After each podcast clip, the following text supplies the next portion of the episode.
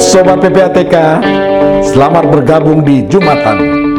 Jumpa PPATK Pekanan bersama saya M. Natsir Konga dan narasumber terbaik. Kita dan kalian semua harus tahu agar terhindar dari tindak pidana pencucian uang dan pendanaan terorisme. Jumatan hanya di channel PPATK Indonesia. Kalau bersih, kenapa harus risih? Halo Sobat PPATK, kita bertemu kembali pada acara Jumatan. Jumpa PPATK Pekanan bersama saya, M. Natsir Konga. Hadir di studio bersama kita hari ini adalah Bapak Muhammad Sigit. Beliau punya jam terbang yang cukup tinggi di KPK sejak 2005 sampai 2011 ya Pak Sigit. Betul. Dan tiga kali menjadi direktur di KPK. Juga beliau eh, berasal dari institusi Kementerian Keuangan, di mana banyak berkiprah di Direktorat Jenderal Bea dan Cukai. Jadi banyak sekali pengalaman yang bisa kita gali dari Pak Sigit, di mana ketika di KPK antusias masyarakat, dukungan dan lainnya itu sungguh kuat ya. Mungkin Pak Sigit bisa cerita kenapa seperti itu Pak, bisa Bapak membangun ya eh, semangat masyarakat untuk memberantas korupsi yang mungkin nanti kita bisa gali juga bagaimana untuk PPATK juga mendapatkan eh, ilmu dan pengalaman dari Pak Sigit. Terima kasih Pak Nasir. Eh, Sobat eh, PPATK yang kami hormati, kalau kita melihat eh, definisi pemberantasan korupsi sesuai dengan undang-undang ini ya, itu memang eh, ada kata-kata turut serta masyarakat. Iya. Eh, jadi kata kunci itu menjadi penting ternyata bahwa eh, peran mas- serta masyarakat itu sangat sangat luar biasa. Meskipun eh, pernah ada pertanyaan bahwa eh, korupsi itu bukan delik aduan. Eh, karena eh, sesuai dengan amanah bahwa itu pemberantasan korupsi memerlukan eh, dukungan masyarakat, maka eh, PPATK pada saat awal-awal berdiri tahun 2004 pertengahan 2005 itu pekerjaan-pekerjaan yang paling utama adalah membangun fondasi di samping membangun organisasi juga dukungan masyarakat. Nah, kalau kita lihat struktur organisasi KPK di sana ada eselon 2 yang kita sebut dengan Direktorat Pendidikan dan Pelayanan Masyarakat. Oleh karena itu tidak heran kalau eh, porsi pekerjaan eh, KPK pada saat itu adalah eh, menggalang eh, apa pemahaman masyarakat, kemudian mendukung masyarakat. Masyarakat dibuat melek bahwa eh, korupsi itu ternyata extraordinary, dia merusak segalanya. Nah ini bagaimana nih Pak Sigit mengadop pengalaman baik Bapak tadi sehingga karena Bapak juga di PPATK Pusat Pelaporan dan Analisis Transaksi Keuangan ini eh, membidangi soal pelaporan pihak pelapor ya di mana di sana ada industri perbankan, insurance, pasar modal dan lain-lain yang relatif lebih baik ya untuk pelaporan. Tapi di sisi lain kita lihat banyak juga yang belum banyak melapor Pak, khususnya ya misalnya akuntan, kalau kemudian profesi ya seperti pengacara. Ini gimana Bapak me mengkrit itu supaya mereka juga menyampaikan laporan ya sebagai kewana kewajiban mereka. Makasih Pak. Eh, ini pertanyaan yang cukup penting menurut saya ya. Tapi pertama kita harus sepakat dulu bahwa PPATK itu lembaga atau badan intelijen, Iya. intelijen keuangan. Beda dengan KPK tadi adalah aparat penegak hukum. Eh, pekerjaan intelijen itu biasanya tidak bisa di eh, apa sharing kepada publik kecuali hal-hal yang terbatas saja. Nah, eh, bagaimana menempatkan masyarakat dalam konteks PPATK? Eh, masyarakat eh, diminta untuk membantu eh, rezim eh, pencegahan dan pemberantasan Korupsi. eh, tindak pidana pencucian uang dan tindak pidana terorisme. Hmm. Nah, bagaimana dalam hal ini? Nah, begini, teman-teman semua bahwa eh, PPATK itu amanahnya ada tiga sebenarnya. Yang pertama adalah menerima laporan. Nah, oleh karena itu tadi Pak Nasir menyebut pihak pelapor ya. Kemudian menganalisis laporan tadi dan yang terakhir adalah diseminasi hasil analisis kepada para penegak hukum. Nah, siapa itu pihak pelapor? pihak pelapor itu sesuai dengan Undang-Undang Nomor 8 eh, tahun 2000 eh, itu adalah ada paling tidak kita bisa tiga bagi tiga kategori. Iya. Yang pertama adalah kelompok eh, jasa keuangan, ya. Yang kedua adalah kelompok eh, jasa lainnya, yaitu eh, PBJ kita sebut ya barang dan jasa. Yang terakhir adalah profesi. Profesi ini siapa aja dia, Pak? Nah, profesi itu ada akuntan, akuntan publik, lawyer, notaris, ya, eh, termasuk juga eh, financial planner. Kalau dilihat dari partisipasi pelaporannya, memang eh, yang terakhir ini paling belakangan. Memang fair juga kalau aturan yang menyebutkan bahwa mereka wajib lapor itu adalah baru-baru beberapa tahun ini. Beda dengan jasa keuangan, perbankan dan lain-lain itu sudah sudah sejak awal. Nah, tadi konteksnya dengan masyarakat diharapkan untuk eh, membantu eh, tadi eh, rejim pemberan- pencegahan dan pemberantasan tindak pidana pencucian pencucian uang. Bagaimana caranya? Sederhana saja misalnya kalau kita sebagai nasabah bank pasti kita berharap bahwa uang kita itu aman ya. Ya.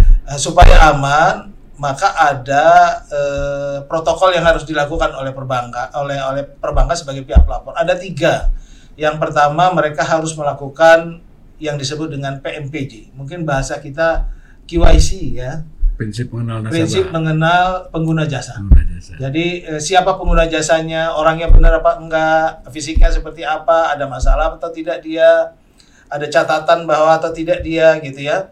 Kemudian untuk apa dia menjadi nasabah ya. Kemudian eh, ada pemantauan di sana. Pemantauan itu artinya setelah jadi nasabah dia melakukan transaksi-transaksi. Nah sebelum itu biasanya normal tuh bank bertanya, ini uang untuk apa, untuk apa buka rekening dan segala macam. Nanti tujuannya adalah untuk membandingkan bahwa apa yang dimaksudkan untuk membuka rekening itu cocok nggak dengan eh, transaksi-transaksi selanjutnya. Nah di Undang-Undang Perbankan itu ada kerahasiaan nasabah, Pak. Nah betul Itu sekali. juga dengan pihak pelapor lainnya ya. Betul Misalnya, sekali. eh, pihak pelapor eh, katakanlah lawyer itu juga ada diatur oleh undang-undang tersendiri agar eh, rahasia klien ataupun rahasia nasabah itu di di apa namanya dirahasiakan. Ini bagaimana Bapak mensiasatinya, Pak? Betul. Undang-undang eh, TPPU tadi itu justru eh, apa memahami betul bahwa ada undang-undang lain tentang kerahasiaan. Iya. Oleh karena itu diadres ya dalam pasal eh, undang-undang TPPU bahwa eh, di sana dikatakan bahwa kerahasiaan itu boleh dilanggar dalam rangka pelaporan kepada PPATK. Untungnya kalau seandainya eh, pihak pelapor itu melaporkan ke PPATK justru mereka terhindar dari kewajiban hukum. Eh, sudah melapor maka mereka dianggap eh, gini Aman lah gitu, Pak, kira-kira. aman ya? karena begini ya kalau kita lihat pasal kriminalisasi ya pasal 3 pasal 4 pasal 5 pasal 3 4 itu aktif. Artinya orang melakukan kejahatan kemudian kejahatannya dicuci. Iya. kalau pasal 5 itu pasif. Artinya dia tidak melakukan kejahatan tetapi hasil kejahatan. Eh, jadi kekayaan yang dihasilkan dari kejahatan itu eh, teralamatkan ke dia. Katakanlah disimpan digunakan dan segala macam. Turut Nah, serta dia, Pak. Terus serta. Kalau perbankan tidak melaporkan kepada PPATK dan perbankan paham bahwa itu adalah hasil kejahatan, justru itu ada risiko bagi perbankan terkena pasal ini. Tetapi karena undang-undang memerintahkan mereka untuk melapor ke PPATK, maka mereka aman dari pasal ini. Nah itu Pak Pak Nasir. Jadi eh, saya kira eh, masyarakat kembali ke masyarakat tadi itu harus paham. Ke, ke pihak pelapor tadi eh, untuk eh, jasa eh, keuangan saya kira sudah cukup baik ya. Iya. Nah itu cukup banyak sekali. Eh, bahkan kalau sobat eh, PPATK membaca ya, mendengarlah atau eh, lihat nanti e-learningnya PPATK, eh, rasanya hampir tidak mungkin kejahatan itu tidak terbongkar karena semua pihak pelapor tadi, bayangkan semua pihak pelapor di jasa keuangan, silakan sebut apa asuransi, tabungan, apa semua itu wajib melaporkan ke PPATK. Berapa, Pak, semua jumlah pihak pelapor? Pihak pelapor itu ada sekitar 30-an ya, 30-an pihak pelapor. jenis atau jumlah keseluruhan, Eh, Pak? bukan, itu eh, jenisnya, jadi eh, industrinya. Hmm. Kalau jumlahnya belum belum bisa dihitung secara persis berapa ya, karena tadi ada pihak pelapor yang disebut koperasi simpan pinjam. Berapa sih angka sesungguhnya? Itu beberapa informasi, beberapa data yang kita minta dari sumber beberapa sumber itu belum akur ya. Kemudian lembaga keuangan mikro itu juga banyak sekali, itu juga belum ter, tergarap. Kemudian eh, PBJ penyedia barang dan jasa, agen agen eh, apa agen katakanlah rumah misalnya itu ada berapa banyak? Seluruh Indonesia ada berapa? Mereka sebenarnya eh, disebut sebagai pihak pelapor di sini. Kemudian juga penjual barang, penjual kendaraan bermotor. Pernah suatu kali kendaraan motor itu kita datangin, Uh, Pak, ini alamat Bapak betul? Apakah Bapak uh, berprofesi sebagai uh, penjual kendaraan motor? Iya, tapi dulu. Sekarang nggak lagi. Sekarang jual on the deal, misalnya begitu. Nah itu hal-hal yang perlu kita perbaiki ke, ke depan. Tetapi tentu PPATK perlu kerjasama dengan apa yang disebut dengan LPP, Lembaga Pengawas dan Pengatur. Jadi kalau misalnya tadi eh, perbankan itu punya lembaga pengawas pengatur. Lembaga pengawas pengaturnya adalah OJK, ya uh, otoritas jasa keuangan. Nah, oto OJK inilah yang mengatur tadi kita sebut PMPJ, bagaimana mereka uh, apa melapor. PPATK juga memberikan apa informasi uh, rambu-rambu lah kira-kira apa-apa saja yang perlu dilaporkan ke PPATK. Tapi agak sulit juga ya Pak Sigit ya. Sampai sejauh ini jumlah pihak pelapor itu secara pasti juga belum bisa. Artinya belum ada jumlah yang pasti. Ini kan mengganggu mengganggu tidak untuk sangat, jalan sangat. bekerjanya PPATK? Sangat, Pak, Pak Nasir. Tapi kita kan tidak boleh berhenti di sini, Pak Nasir. Ya, ya. Justru karena kita tahu kondisinya seperti ini, kita eh, apa ajak lembaga pengawas pengaturnya. Lembaga pengawas pengatur itu pemberi izin. Hmm. Itu yang kita ajak ngumpul duduk bersama, bagaimana kita atur. Eh, kemarin baru saja kita juga eh, ketemu dengan eh, kawan-kawan dari OJK misalnya eh, bagaimana sejarahnya bank eh, BPR itu berdiri, berapa banyak mereka, kemudian LKM tadi saya sebut lembaga keuangan mikro itu berapa banyak. Itu sudah ada sejak dulu sebelum eh, Undang-Undang eh, 8 tahun 2010 tentunya ya. Tetapi perlu diatur kembali perlu diatur kembali. Mungkin kegunaannya eh, pada saat itu dirancang kan tentu ada kegunaannya itu akan akan dibangun lagi Pak Pak Nasir. Kita ajak kerjasama kemudian kita kita obroli bagaimana membangun ini kembali gitu. Nah termasuk kita bangun uh, sistem pelaporannya Pak Nasir. Hmm. Jadi uh, alhamdulillah sekarang kita uh, implementasi web base. Jadi pakai HP saja udah bisa lapor nanti Pak pihak, pihak pelapor tadi sudah bisa sudah melapor. bisa tidak lagi melalui tidak harus kertas uh, apa segala karena itu ada kerahasiaan dan segala macam. lebih efisien lebih efektif pak. Efisien efektif ya. Uh, nah kita ngomongin laporan sebenarnya apa sih laporan itu ya? Hmm. ada yang disebut dengan laporan transaksi keuangan mencurigakan laporan eh, transaksi tunai laporan transaksi keuangan luar negeri. Adalah kalau tadi eh, eh, PBJ penjual barang dan jasa itu ada disebut dengan laporan transaksi. Jadi Pak Nasir nanti kalau seandainya ada keluarga misalnya beli e, aset tanah bangunan atau kendaraan bermotor nilainya 500 e, eh, juta atau lebih maka akan dilaporkan oleh si penjual itu kepada PPATK si anu menjual si membeli dan segala macam. Nah sekarang PR PPATK yang paling berat sama-sama penegak hukum ini kadang-kadang kalau orang niatnya memang tidak bagus dia pakai nama orang lain gitu lah ya. Jadi iya. nggak artinya analisisnya akan lebih uh, ini beberapa tingkat kita harus lakukan. Bagaimana nih uh, cara Pak Sigit ya untuk mentrasir itu Pak? Karena kan uh, banyak sekali orang tadi yang Bapak sebut tidak memakai nama dia, bahkan uh, lapisannya begitu panjang gitu. Ini mentrasirnya seperti apa itu Pak? Itulah namanya kejahatan kekayaan yang uh, hasil kejahatan tuh biasanya pasti dipakai Pak Nasir. Iya. Yeah. Ya. Dan kejahatan tuh biasanya berulang yeah. karena mungkin enak mudah sehingga dia berulang. Nah kita tinggal eh, kadangkala kecanggihan dari eh, apa analisis ya menggunakan teknologi apalagi informasi itu akan akan kita kita sebut satu kata aja bisa terangkai itu.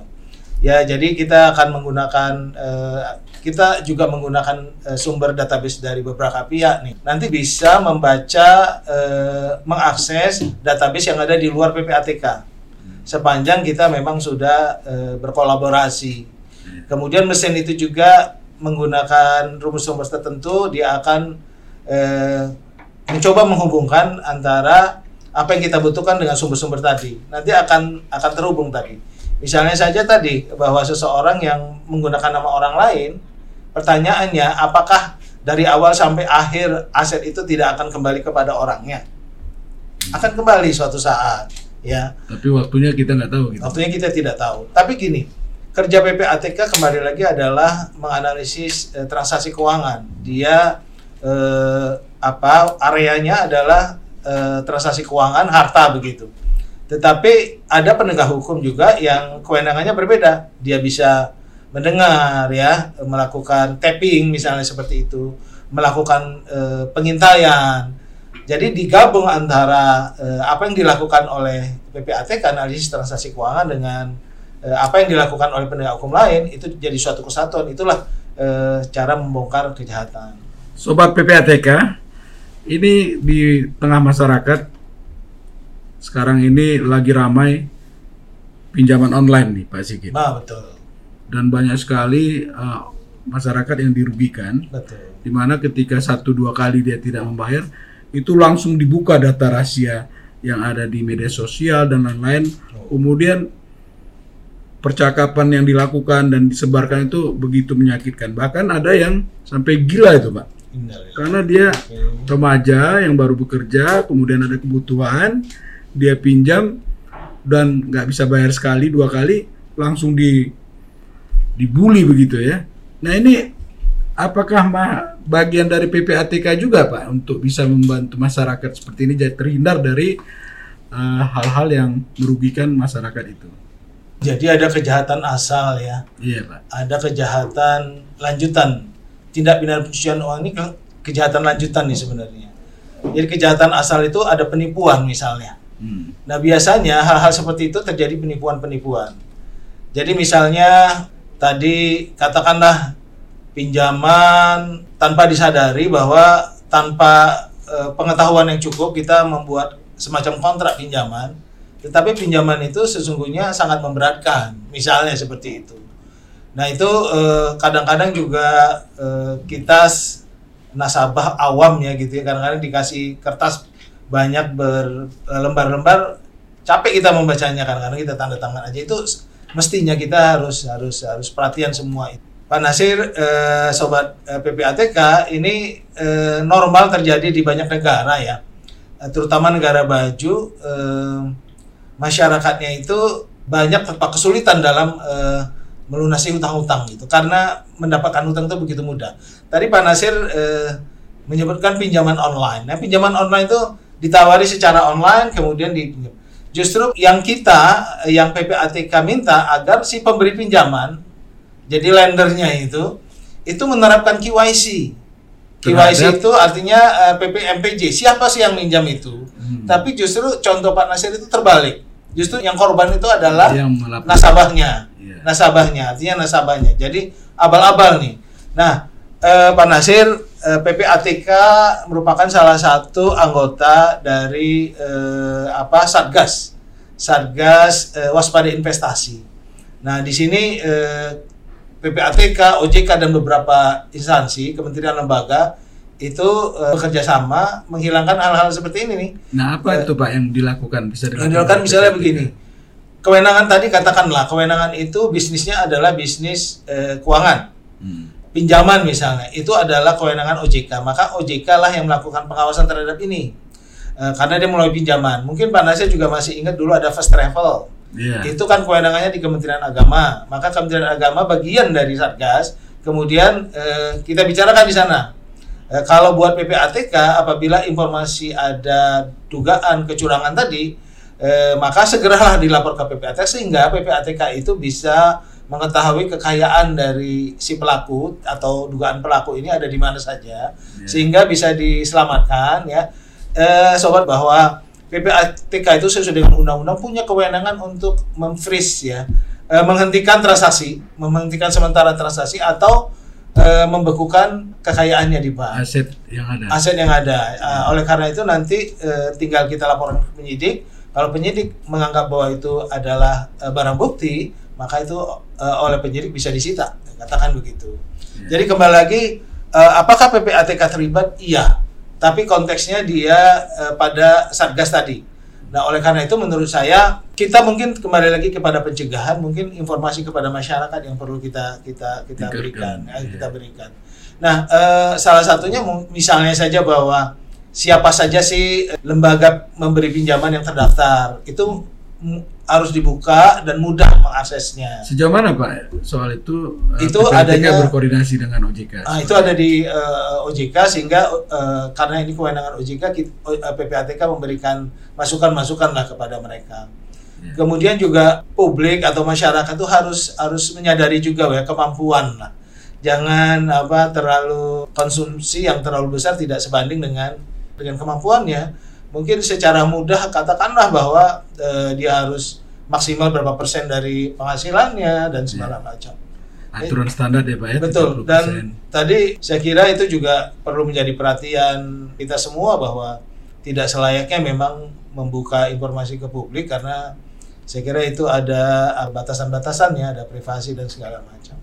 Sobat PPATK, Pak Sigit ini lahir dan besar di Medan ya.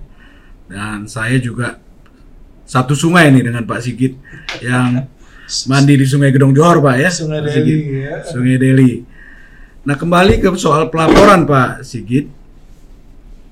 Bagaimana cara Bapak untuk agar pihak profesi tadi itu menjalankan kewajibannya secara benar dan secara baik? Baik, saya kira kita profesi itu kan punya asosiasi ya. Kita duduk bareng. Eh, Undang-undang itu kesepakatan antara eh, pemerintah dan wakil rakyat.